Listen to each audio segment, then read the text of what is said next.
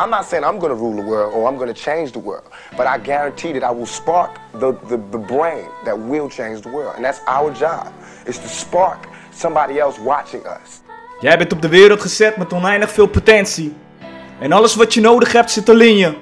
Het enige wat je hoeft te doen, is naar durven kijken. Dit is de Held en de Spiegel podcast. Let's go!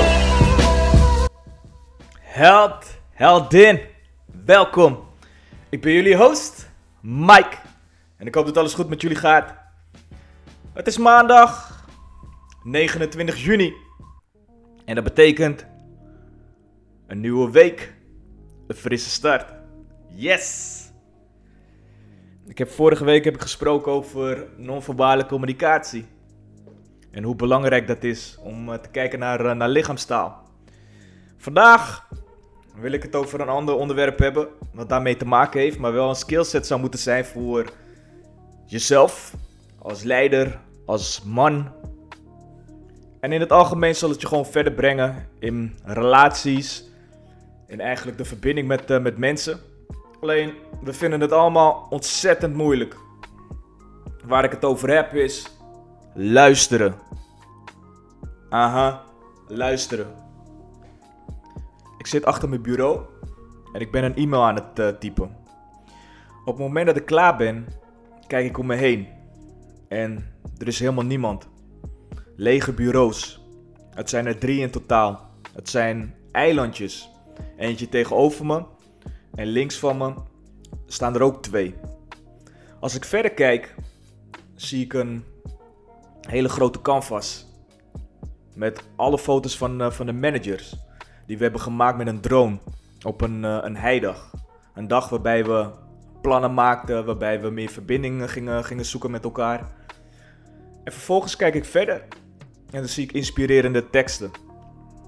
Bij binnenkomst is dat het eerste wat je opvalt. Vervolgens recht voor me zie ik een whiteboard. Wordt bijna niet gebruikt. En links daarvan staan posters met verschillende kleuren. Het is Profile Dynamics. En we hebben allemaal een test gedaan. Het doel van die hele Dynamics en van die tool is om jezelf beter te leren begrijpen en beter te kennen. Zodat je meer kan aansluiten op de drijfveren van een ander. En ook op die manier en op die wijze met iemand uh, kan, uh, kan communiceren. Ik krijg een telefoontje. Het is een van de leidinggevenden. Waar ik uh, leiding aan geef op, op dagbasis. En hij vertelt. Er is iemand geweest. Een collega die een fout heeft gemaakt. Wat moet ik doen? En voordat ik in de valkuil stap. Om precies te vertellen wat hij moet doen. Stel ik hem een vraag. Ik wil iemand zelf laten nadenken. Hij komt vervolgens tot de conclusie dat hij een gesprek wil gaan, uh, gaan voeren. En erachter wil komen van wat er nou precies fout is gegaan en hoe uh, dit heeft kunnen gebeuren. En in de toekomst dit te voorkomen. Op dat moment denk ik bij mezelf, zie je, je hebt me eigenlijk niet nodig. Je hebt alle antwoorden heb je al in je. Hij stelt vervolgens de vraag van, zou je graag bij het gesprek willen, willen zijn? En ik stem toe. Enkele minuten later staan ze voor mijn deur en ik vraag ze om binnen te komen. Ze nemen plaats, ik groet, ze groeten terug en de leidinggevende begint het gesprek. Hij vertelt de hele situatie, maar ook wat er fout is uh, gegaan. En hij vraagt aan de collega van, kan je je hierin uh, herkennen? De collega komt vervolgens met allerlei excuses. Waarop de leidinggevende eigenlijk zijn argumenten weer, uh, weer geeft. Vervolgens zegt de collega dat het privéproblemen zijn waarbij de leidinggevende weer opnieuw een aantal argumenten geeft. De collega blijft bij zijn standpunt en blijft continu vertellen wat er op dit moment in zijn eh, privésituatie eh, speelt. En de leidinggevende wordt steeds kwaarder en kwaarder en begint nu naar mij te kijken met een blik in zijn ogen van ja, wat nu? Hoe moet ik verder? Ik weet het even niet meer. Ik heb zojuist heb ik een kraskaartje gescoord. Waarbij ik eindelijk toegang heb tot, tot internet. Ik zit midden op een plein in Trinidad, Cuba. Ik zit onder een boom. Breng beschutting, want het is warm. En ik ben aan het nadenken hoe ik uh, hier terecht ben, uh, ben gekomen. Want een aantal uur geleden zat ik nog in een, um, een taxi collectivo. Ik kwam vanuit Vinales. En in Vinales, daar heb ik afscheid van, uh, van genomen. Waarbij ik heel veel dingen heb ontdekt. Ik heb salsa gedanst. Ik ben gaan paardrijden in de natuur. De eerste keer in mijn leven. Ik ben naar de sigarenboeren gegaan, waarbij ze honing op de sigaar doen om het nog beter te laten smaken. De eerste keer in mijn leven dat ik een sigaar heb uh, opgestoken. En hetgene wat ik ga missen is in mijn casa particular dat ik vers fruit uh, krijg tijdens mijn ontbijt. Er is niks beters dan het echte leven te proeven. Ze hebben een taxi hebben ze, uh, voor me besteld. Een taxi collectivo. En ik ga nu, neem ik afscheid van, uh, van de familie waar ik uh, ben gaan verblijven. Voor een aantal dagen. Ik heb een doosje sigaren die ik meeneem. Ik neem mijn tas neem ik mee.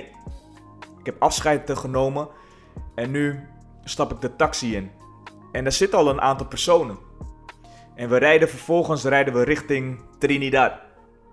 Ik heb geen idee wat er met me gaat, uh, gaat gebeuren, maar vervolgens onderweg nemen we nog meer mensen nemen we mee. En we raken in gesprek. Het zijn Duitsers. Ik hoor precies hetgene wat ze zeggen.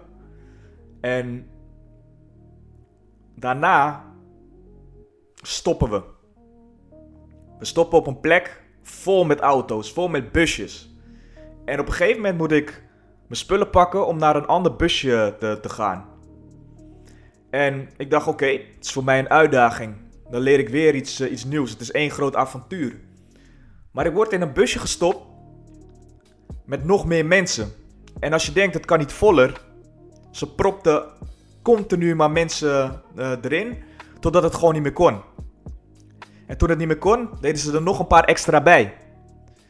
En dit was het busje wat 8,5 uur moest, uh, moest rijden om naar Trinidad te, te, te komen. Het was warm, mensen zweten en we kregen maar één plaspauze. Voor mij was het echt een hel van een, uh, van een reis. En terwijl ik diep in gedachten ben aan het nadenken hoe mijn reis is uh, verlopen onder die boom in Trinidad, is er een meisje naast me gaan, uh, gaan zitten. En we raken met elkaar in, in gesprek. En we merken dat we samen een klik hebben. Dus ik vraag haar, heb je iets te doen in de avond? En ze zegt, uh, nee. Ik zeg, nou, ik heb ook nog geen, uh, geen plannen. Lijkt het je leuk om samen wat te gaan, uh, gaan eten? En het antwoord is ja. We spreken af om elkaar te mieten op het plein waar we elkaar hebben leren kennen. En dat doen we in de avond. Nu scheiden onze wegen. Een uur voordat ik naar het plein zou gaan, dacht ik: wat als het er nou niet is? Dan sta ik gewoon voor lul. Misschien gaat ze niet eens komen. En ik ben langzaam vanuit mijn uh, appartement ben ik naar het plein gaan, uh, gaan lopen. En toen zag ik haar zitten, het plein was druk. Heel veel mensen zaten daar al, met elkaar in gesprek. En ook zij was met een jongen in gesprek. En ik weet nog dat ik dacht van, moet ik hem storen? Of moet ik er gewoon naartoe lopen? En vervolgens ging er een knop om en ik ben naar haar toe gelopen en ze zag me. Ze stond zo snel op, het leek net alsof ik haar had bevrijd van die, uh, van die jongen. Al pratende zijn we naar een restaurant uh, gegaan.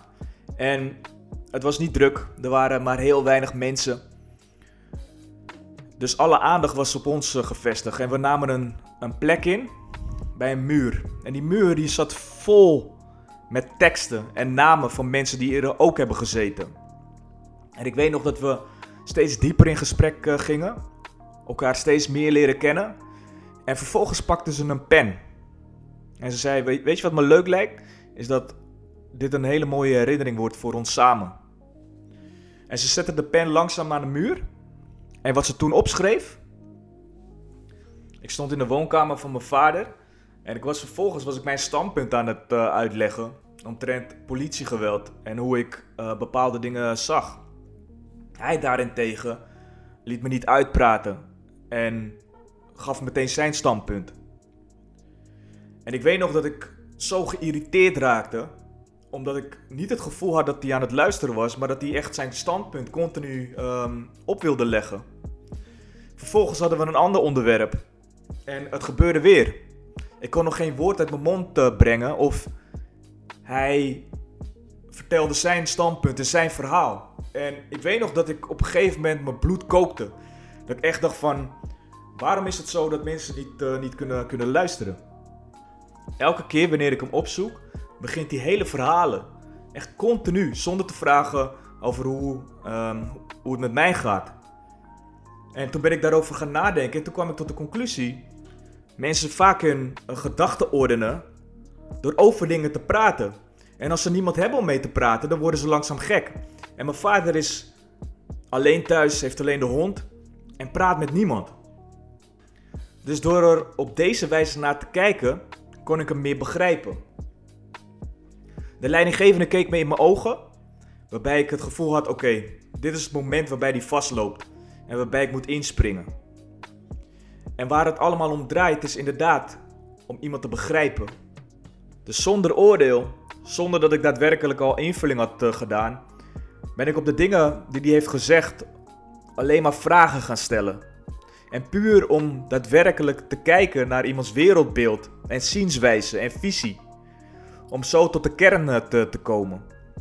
Met geduld echt te luisteren en samen te vatten. Zodat ze zelf gaan nadenken over datgene wat ze hebben gezegd en daar echt hun leerdoelen ook eh, uit, uit kunnen halen. Als mensen namelijk nadenken, dan stimuleren ze de wereld waar ze in zitten. En plannen ze hoe ze zich in die wereld moeten gaan, uh, gaan gedragen.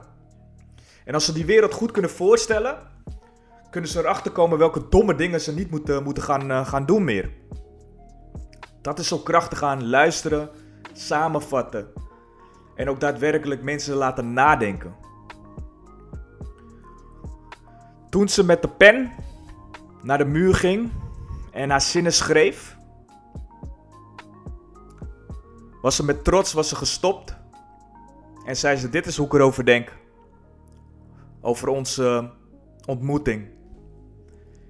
En wat er stond was de datum, onze namen en de tekst waar diepe gedachten gedeeld worden. Het doet me denken aan een situatie waarbij ik op het basketbalveld altijd een meisje ontmoette. En we hele diepe gevoelens met elkaar eh, deelden. Het doet me denken aan de eerste keer dat ik mijn ex had ontmoet en hoe we met elkaar diezelfde diepe gevoelens en gedachten eh, met elkaar deelden. Maar het doet me ook denken aan mijn huidige vriendin. Hoe wij ooit de relatie zijn gestart. Door daadwerkelijk met elkaar in gesprek eh, te gaan. En de waarheid te vertellen over wat je daadwerkelijk denkt. En elkaar niet onderbreken tijdens het gesprek, maar gewoon dat beide uh, gesprekspartners iets mogen zeggen en hun ideeën en gevoelens zeg maar eh, bespreekbaar maakt. Maar dat ook de gesprekspartner daadwerkelijk ook wil begrijpen en wil snappen uh, waar het daadwerkelijk om draait. Welke gevoelens je hebt, welke ideeën je hebt. Totdat die persoon uh, de tevredenheid ziet bij, bij diegene. En denkt van, oh, ik heb hem daadwerkelijk echt begrepen. En nu ga ik beginnen met mijn gesprek. Dus daadwerkelijk de, de wereld binnendringen van, uh, van iemand. Om te kijken hoe het vanuit haar uh, gezichtspunt uh, is. En andersom. Als je zonder vooroordeel naar iemand luistert, dan vertellen mensen in het algemeen alles wat ze denken. Vaak als je bij de kapster bent, bij de kapper, dan praten mensen enorm veel over hun eigen verhalen. Ik maak altijd de, de kunst om de kapster zoveel mogelijk over zichzelf eh, te, te vertellen. En dat doe ik door gewoon te luisteren. En dan ga je zien hoeveel mensen daadwerkelijk ook gaan, uh, gaan praten. Vaak wanneer je uit verbinding gaat, of wanneer de communicatie stroef verloopt, of misschien komt er zelfs een bepaalde wrijving. Dat heeft te maken wanneer iemand een dominantere plaats in de hiërarchie wil, wil vaststellen of bevestigen. Het zijn de leidinggevenden die zeggen van ja, dit is wat je moet doen en niet anders. En die niet eens naar um, het verhaal luisteren van, van iemand, waardoor je ook niet meer iemand kan laten ontwikkelen en groeien en laten leren van, uh, van zijn fouten. Het is de persoon die in trainingen nog eventjes iets wil toevoegen over zijn eigen kennis of haar kennis.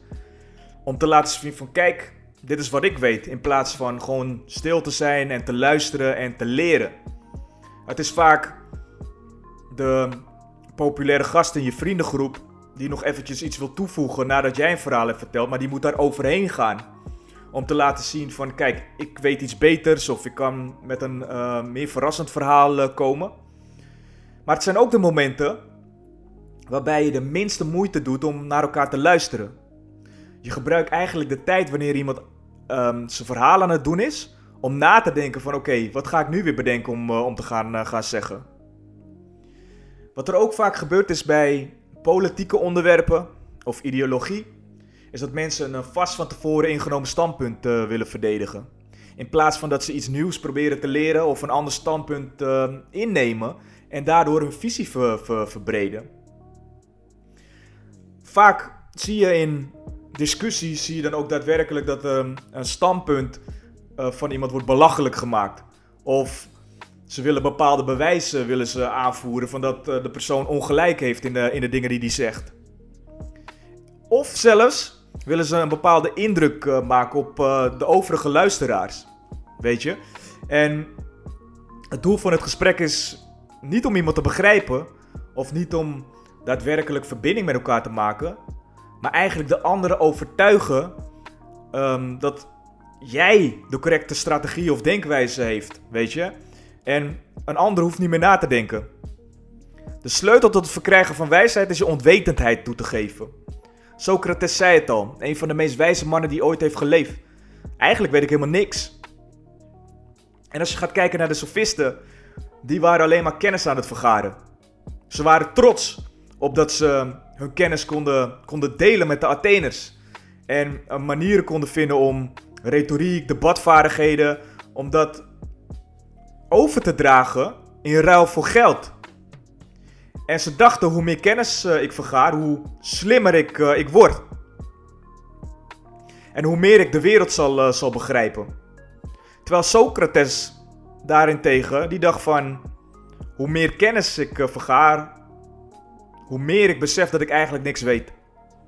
Wat Socrates zo wijs maakte, was dat hij steeds zichzelf bleef vragen stellen. En altijd bereid was om zijn eigen ideeën uh, te debatteren. En hij vertelde dat het leven alleen de moeite waard was als je nadenkt over uh, wat, je, wat je daadwerkelijk doet. Slimme mensen leren van alles en iedereen. Middelmatige mensen van hun ervaringen. En domme mensen, die hebben alle antwoorden al. En ik denk dat het belangrijkste is dat je via mensen leert. Want iedereen heeft iets te, te bieden. Iedereen maakt bepaalde dingen mee in zijn leven, waardoor hij een verhaal heeft, waardoor hij kennis heeft uh, vergaard. En voor mij is de kunst om te luisteren. Te luisteren naar mensen. Om echt te ontdekken wat hun zienswijze is. En daardoor verander ik ook mijn eigen perspectief. Ralph Waldo Emerson zei het al. Het is waar dat iedereen op een of andere manier mijn meerder is. En ik vind het leuk om te leren hoe. De boodschap van vandaag is shut up and listen. Bedankt voor het luisteren. Tot volgende week. En